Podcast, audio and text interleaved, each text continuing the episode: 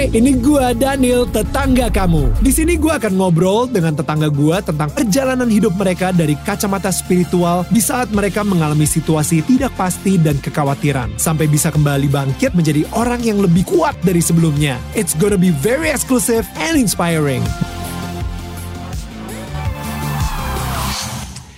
Masih di Daniel tetangga kamu dan bersama dengan Dwi Sasono. Nah sebelum kita lanjut, gue mau ngingetin dulu kepada semua tetangga-tetangga gue. Kalau misalnya kalian juga bisa dengerin kita versi audionya aja. Langsung aja search Daniel tetangga kamu di semua digital platform podcast. Oh ya, jangan lupa untuk klik follow. Alright. Nah langsung balik lagi ke Mas Dwi ya. Gini bro, setelah lo akhirnya keluar Hmm. dari eh, rehabi- eh, apa rehabilitasi Dari RSKO. gua, dari dari gua. gua, dari gua. Em, dari gua tersebut dan akhirnya lo em, apa sih hal pertama yang lo lakuin? Maksudnya, you know, Oh ada dan ya lucu itu.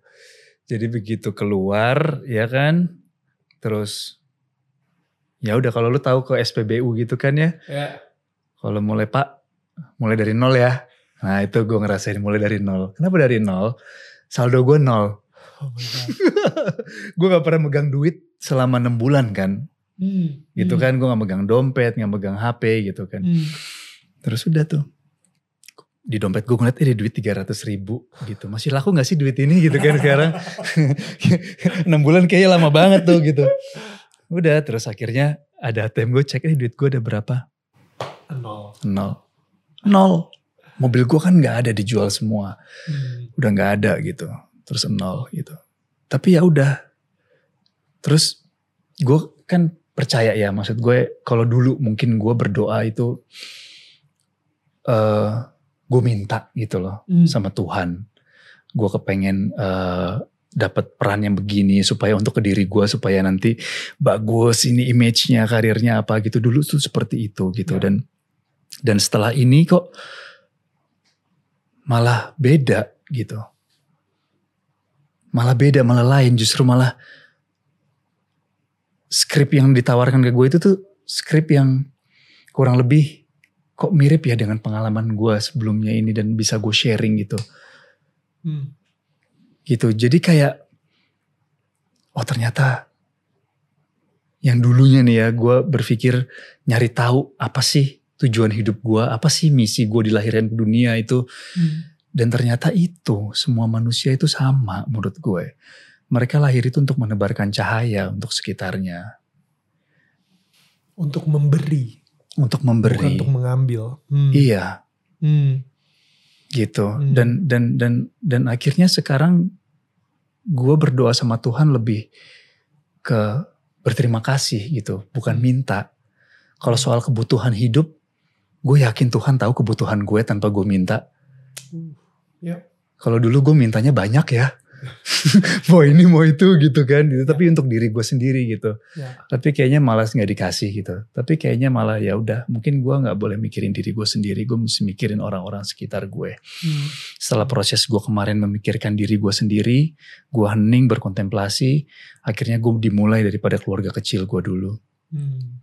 Hmm. dari lingkungan terkecil, makin lama ke komunitas dan kita bisa menebarkan itu ke orang banyak gitu. Hmm. Hmm. Mungkin itu misi kita semua. Jadi sekarang em, kalau misalnya boleh gue rangkum, purpose lo atau tujuan lo hidup di dunia ini adalah untuk menebarkan cahaya melalui Karya. karya, karya, karya. ya, eh, ini apa yang aku tulis oh, melalui melalui patung juga. Ini ini untuk menebarkan cahaya untuk orang-orang. Sorry, karya eh, apa yang lo tulis di buku lebur, Hmm. em, apa yang eh, lo lihat eh, di sini sebagai pahatan lo dan karya even sekarang ini karya film yang akan kita nonton Ya. eh, sinetron atau mini series yang akan Ya. kita lihat dari Ya. seorang Dwi Sasono Ya. itu akan ada cahaya itu yang mungkin dulunya kita nggak pernah temuin gitu cuman itu akan ada cahaya tersebut kita akan Ya. karena gue tahu sih kayak I think um, karena orang sendiri juga bilang tentang itu gue eh, Ya. tentang tentang diri gue juga gitu di mana ketika gue mempunyai encounter ya pengalaman dengan the higher power itu Ya. uh, dengan Tuhan gitu ya apa yang dirasakan orang ketika mereka lagi nonton gue sekarang Iya. itu beda perasaannya dan I Yes. think itu maksud dari si cahaya tersebut gitu. Yes. Yang yang karya itu bisa merefleksikan keindahan dan keagungan jiwa manusia. Hmm. Jadi orang merefleksikan, orang bercermin, orang membuat orang tuh sadar gitu. wow. Gitu. Ya, ya, that's Seperti good. itu. Em, jadi ternyata ketika lu ngomong sama Widi, lu ngomong Hmm. sama anak-anak bahwa lu telah membuat kesalahan, Ya. eh yes, ada ketakutan, ada kekhawatiran kalau misalnya suatu saat mereka tidak menghormati lu misalnya, atau mereka malah eh, kecewa dan bahkan meninggalkan lo. Kayak misalnya tadi lu bilang ketakutan terbesar lu mungkin saat itu Widi Ya. eh, meninggalkan lu dan lu sendiri juga udah pasrah banget soal itu. Tapi kenyataannya justru tidak seperti itu. Widi tidak meninggalkan lu sama sekali, dia bahkan em, datang terus, Ya. dia menjenguk dan anak-anak juga terus tulis surat yang mungkin menurut gue saat ini suratnya ini pasti masih lu simpen dan precious banget sekarang karena Masih. ya kapan lagi lu surat-suratan sama anak lu Iya, juga masih ada surat-surat Right? itu. dan I think uh, gue apa ya emang ego di dalam kita ini itu benar-benar bisa nakut-nakutin kita sedemikian rupa sampai akhirnya udahlah lu kan gak akan pernah sama lagi. Lu gak akan pernah uh, menjadi orang yang akan dihormatin lagi karena lu udah mempunyai kesalahan yang sangat fatal ini. Bunuh diri aja deh. Iya kan? Pasti ada ada ada arah ke situ ya. Lari aja udah tinggalin aja dunia gitu. You know dan itu masuk ke tahap depresi tersebut gitu. Tapi ternyata kenyataannya yang terjadi ketika kita hadapin nggak seperti itu kok. Nggak- malah malah berbalik gitu. Ya, sekarang ini lu gue datang ke eh, eksibisi lu lu abis itu main film lagi lu main serial lagi gitu. Dan maksud gue you know it's dapat kerjaan lagi nggak nggak se apa ya wah karir gue akan hancur gue akan kehilangan semuanya dan lain-lain. Ternyata nggak juga kayak gitu. You know what I mean? Ya, ya, ya, ya, itu benar-benar Daniel. Itu, nah, dulu dulu ya gue merasa kalau apa pun yang mau gue kerjakan itu selalu apa aja yang gue pikirkan tuh di sini. Hmm. Secara langkah yang mau gue ambil tuh pakai ini yang digunakan. pakai kepala atau Kepala. pakai otak oke Pakai pikiran, dipikirin. Ini Oke. gimana, logikanya gimana, ini gimana, ini ini gimana gitu. right logika terus ya Ya kan? ya Lupa pakai ini hmm hmm gitu. ya lupa banget pakai hati gue sendiri juga sering banget ya Nah setelah melewati itu semua, gue kayak dikasih teguran gitu. Oke, coba melihatnya sekarang melalui ini, hmm gitu. Gak ada yang perlu dikhawatirkan. Jalanin aja. Setiap manusia itu punya rasa sejati itu namanya. Gitu. apa itu rasa sejati Rasa sejati itu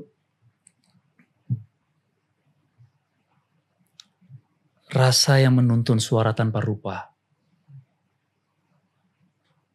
Saat lu ingin melakukan sebuah hal, itu bukan di sini, tapi di sini. Hmm. Beda bukan insting atau feeling ya, tapi dialog. Kita berdialog dengan sesuatu yang ada di dalam diri kita. Hmm. aku menyebutnya itu Tuhan yang mempribadi dalam diri manusia. Setiap manusia itu punya karakter Tuhan. Hmm. Kita bagian daripada semesta juga. Kita mikrokosmos Hmm. gitu. Jadi itu rasa sejati Hmm. Hmm. Yang menuntun kita.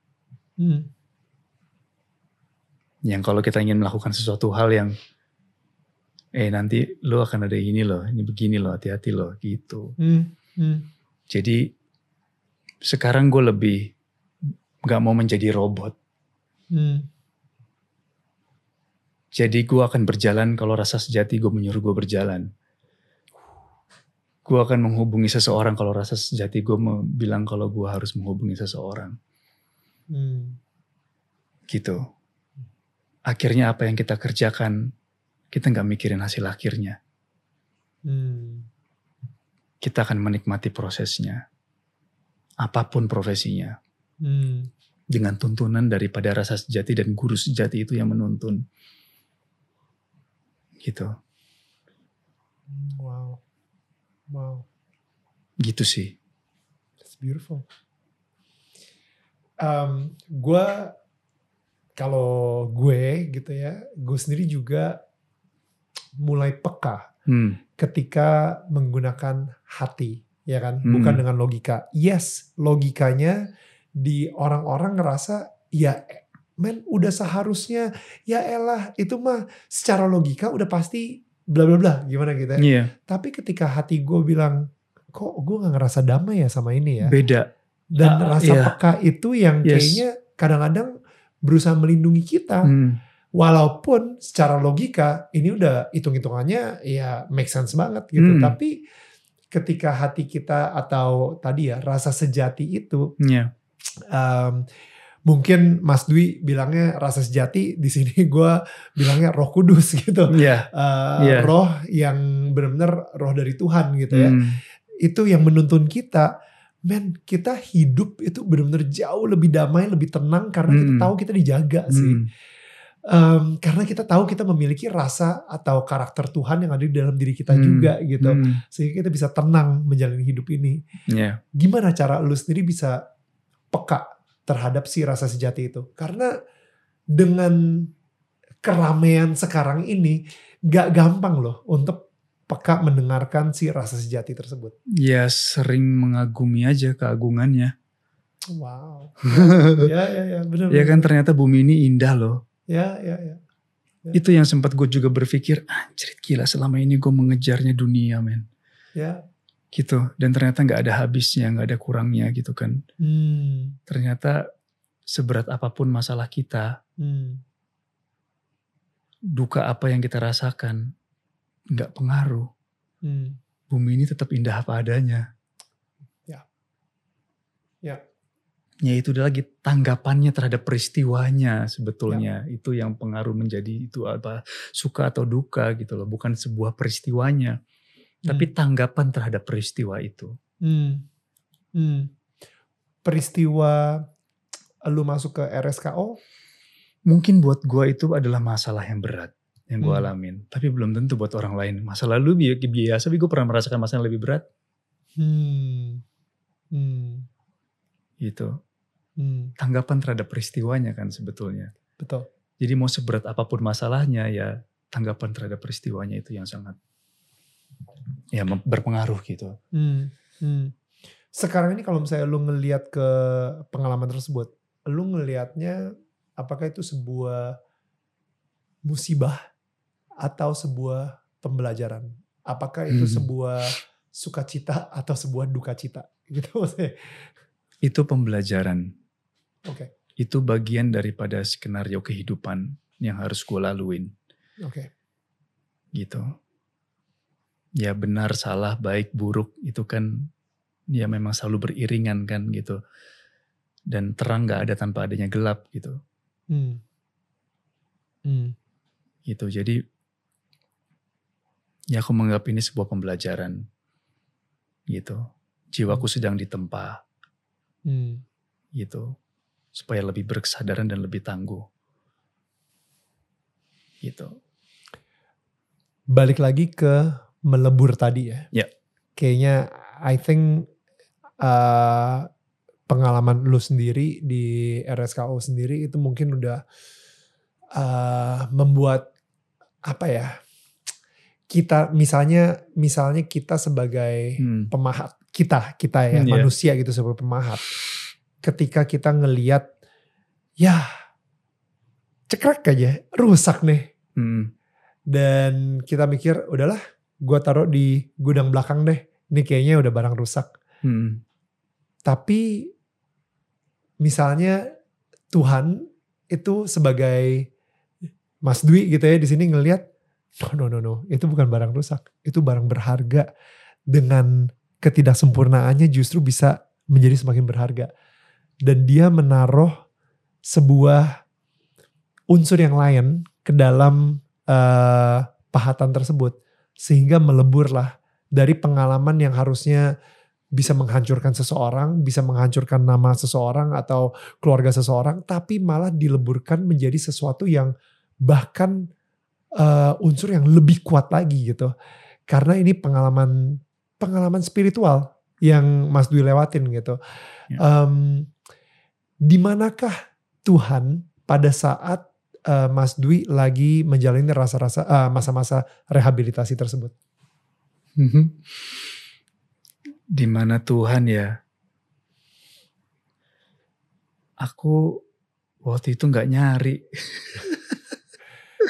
Mau nanya sama Tuhan juga doa juga takut ngerepotin Tuhan. Lu gak, nger- lu gak ngerasa malu gitu ya kayak aduh aduh aku aku salah Tuhan atau atau Tuhan kenapa ini semua terjadi padaku Hmm. Eh, you know like like Ya, uh, ya, ya. ya gue tahu sih emang udah gue udah ngelakuin ini cuman kenapa harus terjadi sama gue gitu kayak udah mulai menyalahkan Tuhan atau eh kenapa ini harus terjadi sama Mas Dwi gitu misalnya Eh, Ya ini terjadi sih karena memang aku yakin ini udah jelas ini adalah konsekuensi dari perbuatan gua sih gitu. right Jadi Tuhan sih menurutku udah di luar dia nggak nggak nggak nggak menghukum gitu. Dia ya ini murni dari atas sebab akibat dari perbuatan gue sih gitu. Kalau Tuhan sih sudah memberikan segalanya yang yang sangat indah. Dia udah memberikan gue gitu. Segala anugerah kehidupan dia berikan sama gue itu udah dikasih sama dia. Hmm. Cuman guanya aja yang Hmm. Yang nggak melihat itu gitu. Gue lebih mikirin, lebih mengikuti kesenangan gue aja gitu, Hmm.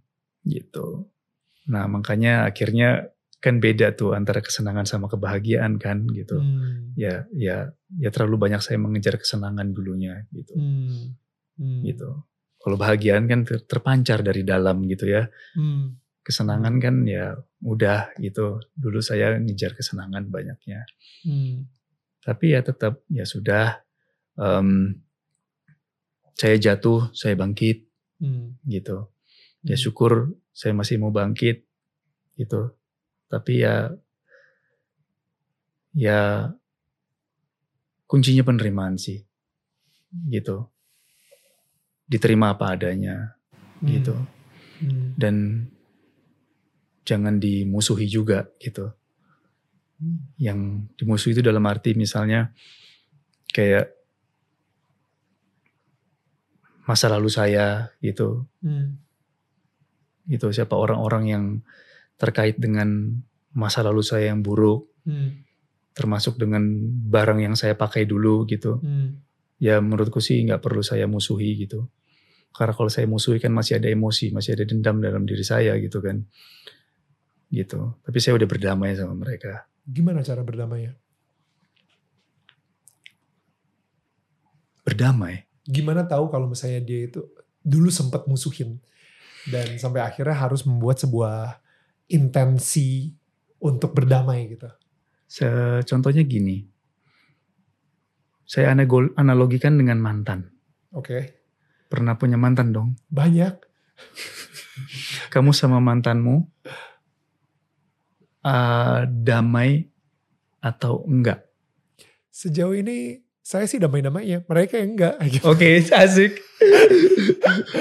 Karena kalau damai Ya. kan nggak ada perasaan apa-apa, Hmm. netral aja gitu. Tapi kalau kita putusnya itu Gak enak ya. nggak enak, ada masalah yang belum diselesaikan, Hmm. ada dendam, ada apa, ada sesuatu yang itu saat ketemu tuh Awkward. lah. ada awkward, ada Iya. getaran apa kayak ada belum selesai gitu loh. Oke. Jadi ya sudah dimaafkan Hmm. gitu. Hmm. Jadi supaya nggak ada perasaan apa-apa netral. Jadi Hmm. kalau ketemu juga ya udah Ya udahlah ya. Heeh. Kalau misalnya nggak ada lu, mungkin gua nggak ada di sini sekarang ini Mm-mm. gitu misalnya. ketemu ya disapa ya, hai Hmm. halo gitu kan. Tapi ya Hmm. Nggak ada rasa ingin memeluk, ingin mencium, ingin apa gitu udah nggak ada. Eh, gitu. Nggak nggak nggak CLBK netral lagi. gitu. ya, ya. iya. Oke. nggak gelisah gitu kan. Tenang. Gak ngebanding-bandingin eh, atau apa kayak lu lihat nih gue sekarang di mana nyesel kan lu mutusin gue gitu kan. Iya, ada gitu. udah nggak ada rasa lagi gitu, udah netral Oke oke oke. Ya, that Jadi makes sense. gitu. That makes so much sense. Good analogy by the way. Hmm. Very good analogy. Uh, di manakah Tuhan saat itu ketika uh, Mas Dwi lagi ada di rehab gitu dan um, hubungannya Mas Dwi sendiri dengan Tuhan itu seperti apa? Karena ya ternyata masih Hmm. um, azan azan juga sholat subuh juga dan Iya. um, pas pagi sebelum lari pagi dan lain-lain gitu. Jadi pasti ada komunikasi juga dong antara uh, Mas Dwi dengan Iya. Allah juga gitu. So, Selalu sih. How was how was that? Like komunikasi seperti apa ketika lagi ada di um, saat-saat yang paling berat saat itu? Em, saat itu begitu udah mulai lepas yang tadi gue bilang itu ya, udah mulai saat gue bangkit itu ya aku sudah sudah komunikasinya dari setiap hembusan nafas. Uh. Yang tadi aku bilang sama kamu itu ada rasa sejati di sini, Hmm. ya itu kita mensyukuri setiap hembusan tarikan nafas, Hmm. kita mensyukuri apa yang makanan disajikan itu kan udah bagian daripada kita tidak lepas daripada kita mengucapkan syukur gitu loh. Hmm. Kita berterima kasih gitu sama dia Hmm. Hmm. gitu. Jadi ya selalu ada Hmm. gitu. Dari setiap bangun pagi, dari aku melihat langit yang begitu indah setiap hari, itu ya, Ya. keagungannya kan Ya. gitu. Ya. Jadi merasakannya itu yang tadi aku bilang itu, merasakan keagungannya. Udah bukan lagi hanya ngobrolnya pas lagi sholat aja, Iya. tapi justru di setiap hembusan nafas gitu. Mm-mm. Bersyukur di setiap Iya. hembusan nafas bersyukur. Iya, jangan ya nggak lupa bersyukur selalu. Ya, ya, that's beautiful. Um, gue pengen ngomongin sedikit soal uh, apa yang terjadi dengan pernikahan uh, Mas Dwi dengan Widi sendiri setelah ini dilewatin saat-saat yang sulit ini gitu. Hmm. Semakin kuatkah?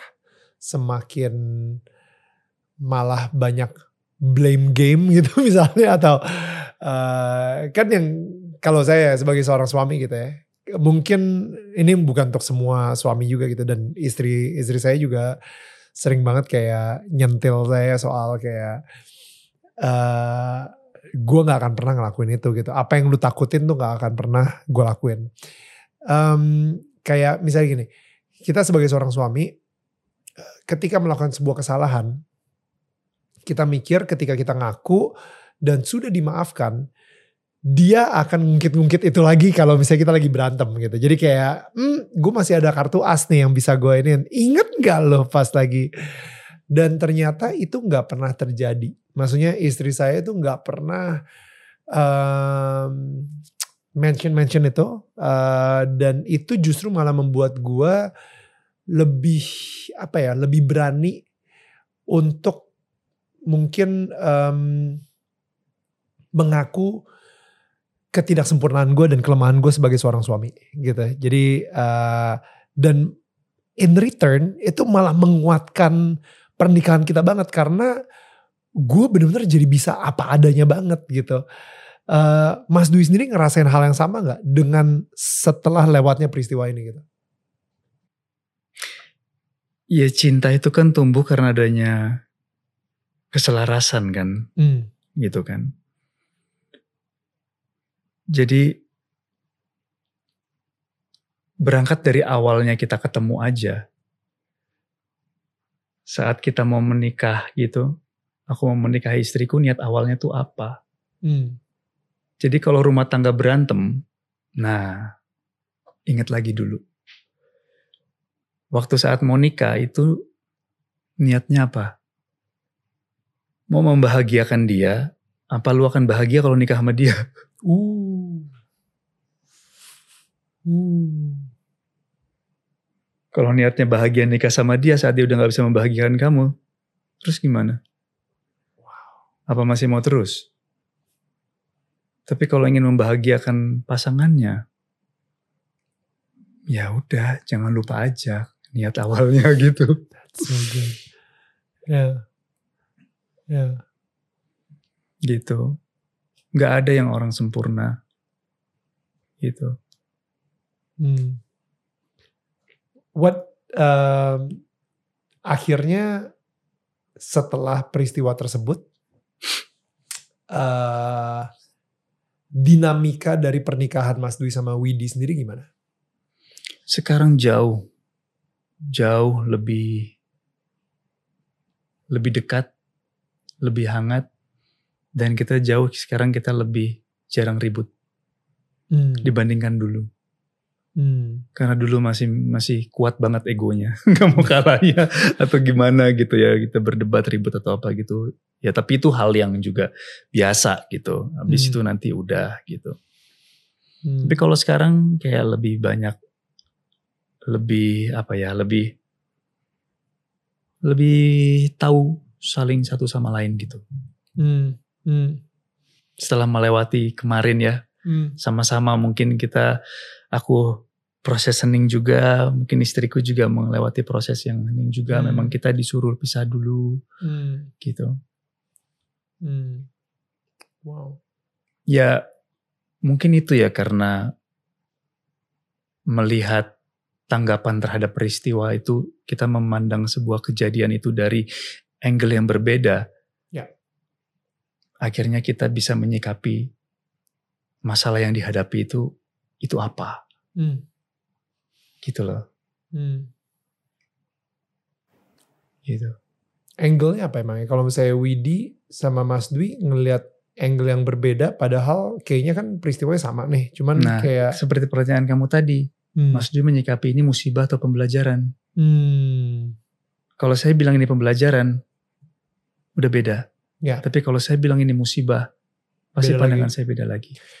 gue selalu ngerasa ya bahwa eh, dengan ngeliat Instagram, dengan ngeliat sosial media dan lain-lain gitu ya, Hmm. orang mikirnya hidup ini adalah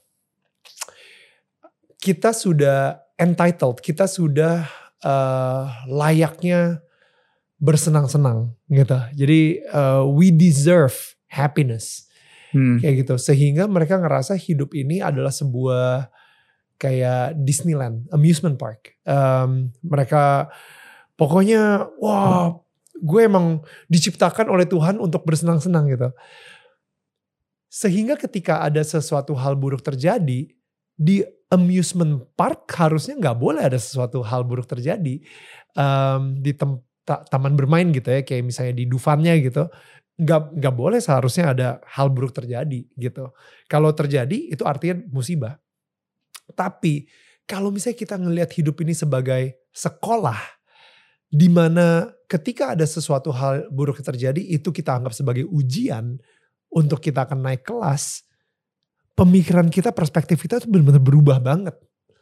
Em, sama seperti cara Mas Dwi tadi ngeliat em, bahwa apa yang terjadi sama Mas Dwi sebuah peristiwa. Cara menyikapinya apakah ini musibah atau pembelajaran.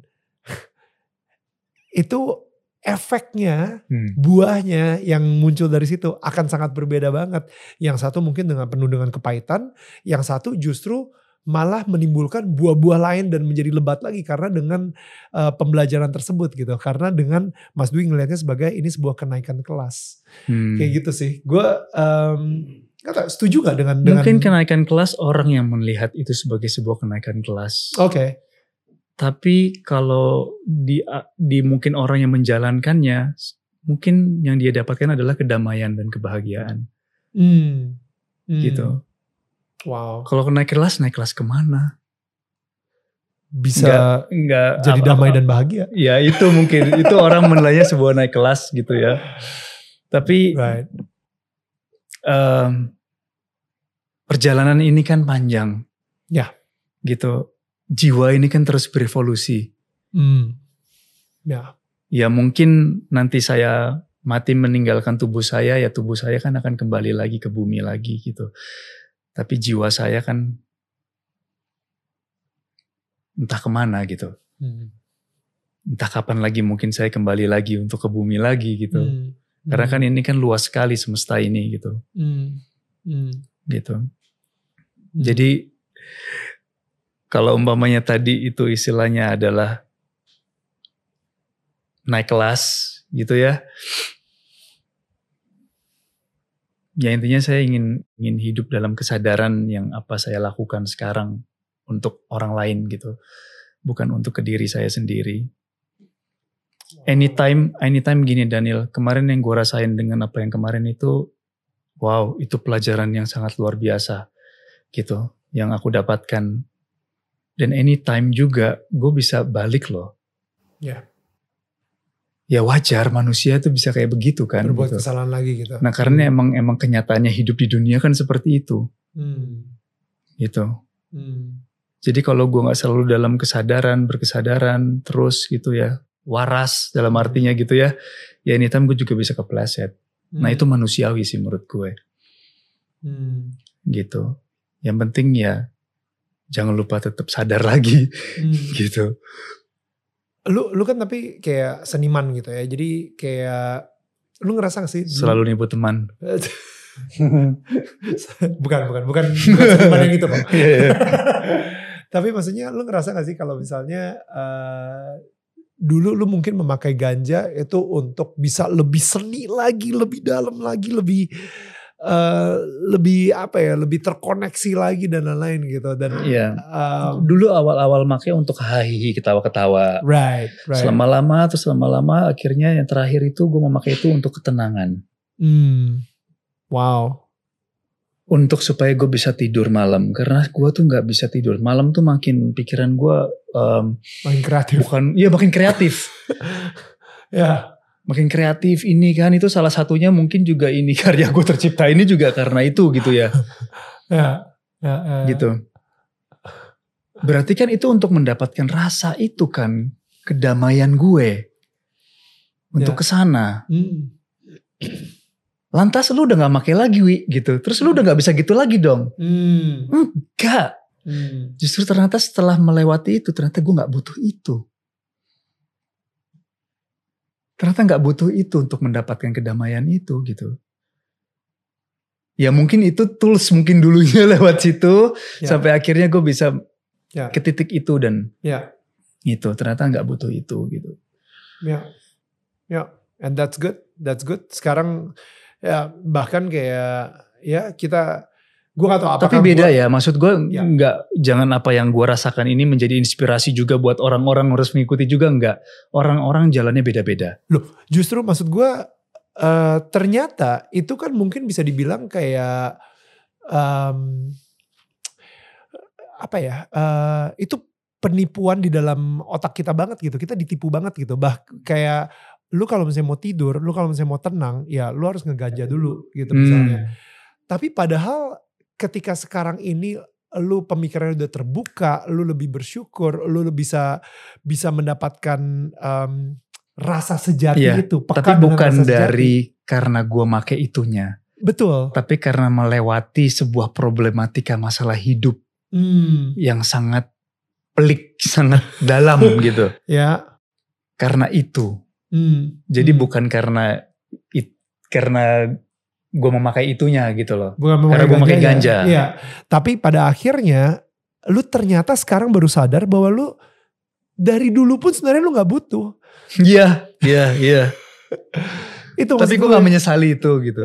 lu gak menyesali Iya. karena ya lu sekarang ada di titik ini sekarang pun juga gara-gara eh, ketangkep itu gitu. Iya. You know like ya, peristiwa atau pembelajaran tersebut gitu. Tapi Iya. tapi I think em, sekarang ini bahkan orang melihat ya itulah kayak kayak lebur ini gitu. Di mana lu sebenarnya udah jauh lebih kuat lagi tanpa alat bantuan apa pun. Iya justru malah gue gue kalau bisa gue berterima kasih sih sama yang nangkep gue Hmm. atau kalau teman gue bilang lu kayaknya dicepuin ya kalau ada yang cepuin ya gue mau terima kasih sama nyepuin gue serius lo iya karena oh, gue bisa melewati itu gitu kalau enggak gue nggak akan bisa mendapatkan ini gitu gitu. Gila sih. Itu gila sih. Dan dan Gitu-gitu. ya itu maksud gue. Jadi kayak karena sekarang lu sadar bahwa eh, ketenangan dan kedamaian yang lu cari dan lu butuhkan bukan dari si ganja tersebut tapi benar-benar dari kekuatan Tuhan langsung yang lu dapatkan melalui rasa sejati lu yang ada di dalam hati lu. Ya bisa seperti itu. You know what I mean Uh, and I think that's very powerful. Uh, and and ya yeah, sekarang ini gimana nih? Gue uh, gue pengen promo-promo dikit nih lebur karena uh, untuk bukunya sendiri gue udah baca sedikit gitu ya sekilas gitu dan nanti aku kasih kamu ya satu oh thank you loh thank you loh uh, dalam banget dan um, so many apa ya mungkin yang yang tadi kita obrolin soal uh, lebur ini uh, oh ya soal lebur soal wisdom-wisdom yang kita dapatkan barusan dari Dwi Sasono gitu ya. Ini tulisan-tulisannya dia, tulisan-tulisan yang lu tuliskan uh, ketika lu lagi direhabilitasi juga. Itu semua kita bisa temuin di sini ya. Ya itu kan di dalam gue baca buku banyak banget buku yang gue baca gitu. Hmm. Ternyata banyak buku-buku tentang spiritual gitu. Jadi ya banyaklah um, masukan-masukan dari buku-buku yang gue baca juga gitu. Um, gimana cara ngedapin bukunya? Uh, cek ke Instagram di at lebur by, by Dwi Sasono. Sasono. Ya. Um, dan ini ini ini luar biasa banget sih. Uh, hmm. oh ya. Lihat tadi deh. Tuh kan gue foto kecilnya aja. Tuh gue udah bertahap meditasi iya, udah. Karena memang waktu kecil umur segitu, uh, aku baca bukunya bapakku. Bapakku tuh bukunya tuh sama di Zen gitu. Aku udah baca bukunya bapak gitu. Wow. Jadi aku belajar meditasi itu udah mulai dari kecil sebetulnya. Hmm. Hmm. Dan mencari meditasi itu apa, caranya gimana, yang benar gimana, nyari-nyari gitu. Wow. Ya. So, uh, Mas Dwi Sasono, thank you yeah. so much. Really, uh, really appreciate this talk. Dan gue kayak gue sempet janji soalnya sama Widi juga gitu. Gue bilang kayak nanti kalau misalnya Mas Dwi keluar, gue pengen banget ngobrol sama dia karena yeah. I'm sure obrolan kita itu lebih berbobot lagi dan kayak banyak banyak apa ya pengalaman-pengalaman yang mungkin kita bisa pelajarin juga dari mm.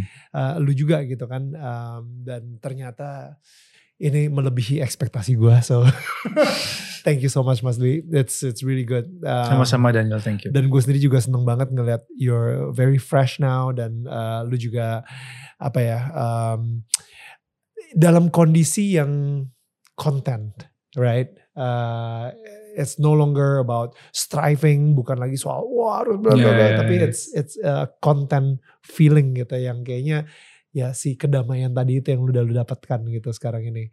Walaupun situasi lu seperti apa tapi lu tahu ya lu damainya di sini gitu. I I I can feel that dan Again, uh, kalau misalnya kalian di sini pengen tertarik, pengen tahu lebih banyak lagi soal uh, uh, hasil karyanya Mas Dwi Sasono, langsung aja cek di uh, Instagram dia @lebur by Dwi Sasono. Dan di situ lu juga mungkin bisa beli bukunya juga gitu karena gue sendiri juga udah nggak sabar banget pengen baca uh, wisdom wisdom yang didapatkan oleh Mas Dwi ketika uh, dia melewati masa-masa terberatnya dalam hidupnya gitu. Dan guys, uh, again thank you so much for watching dari awal sampai habis. Um, kita mudah-mudahan bisa belajar dari tetangga kita, Mas Dwi Sasono di sini dan pastinya kalau misalnya lu ngerasa ada seseorang yang butuh denger banget cerita atau value yang kita bisa pelajarin, kita bisa dapatkan dari Dwi Sasono, langsung aja share uh, video ini ke mereka dan jangan lupa untuk subscribe dan pastikan juga cek Instagram kita di @daniel Manhattan Network. And of course, tetangga saling menyangga, bukan menyanggah. See you guys again. Bye. Thank you so much guys sudah mendengarkan podcast Daniel Tetangga Kamu. Dan jangan lupa di follow podcastnya dan share ke sosial media kalian menggunakan hashtag Daniel Tetangga Kamu. Sebisa mungkin gue akan repost keseruan kalian ketika lagi mendengarkan podcast ini. Kalian juga bisa menyaksikan Daniel Tetangga Kamu setiap hari jam 4 sore waktu Indonesia bagian Barat di channel YouTube Daniel Mananta Network. Karena setiap minggunya akan ada sosok-sosok inspiratif yang akan menceritakan perjalanan hidup mereka dan hubungan mereka dengan Tuhan. Sampai ketemu minggu depan.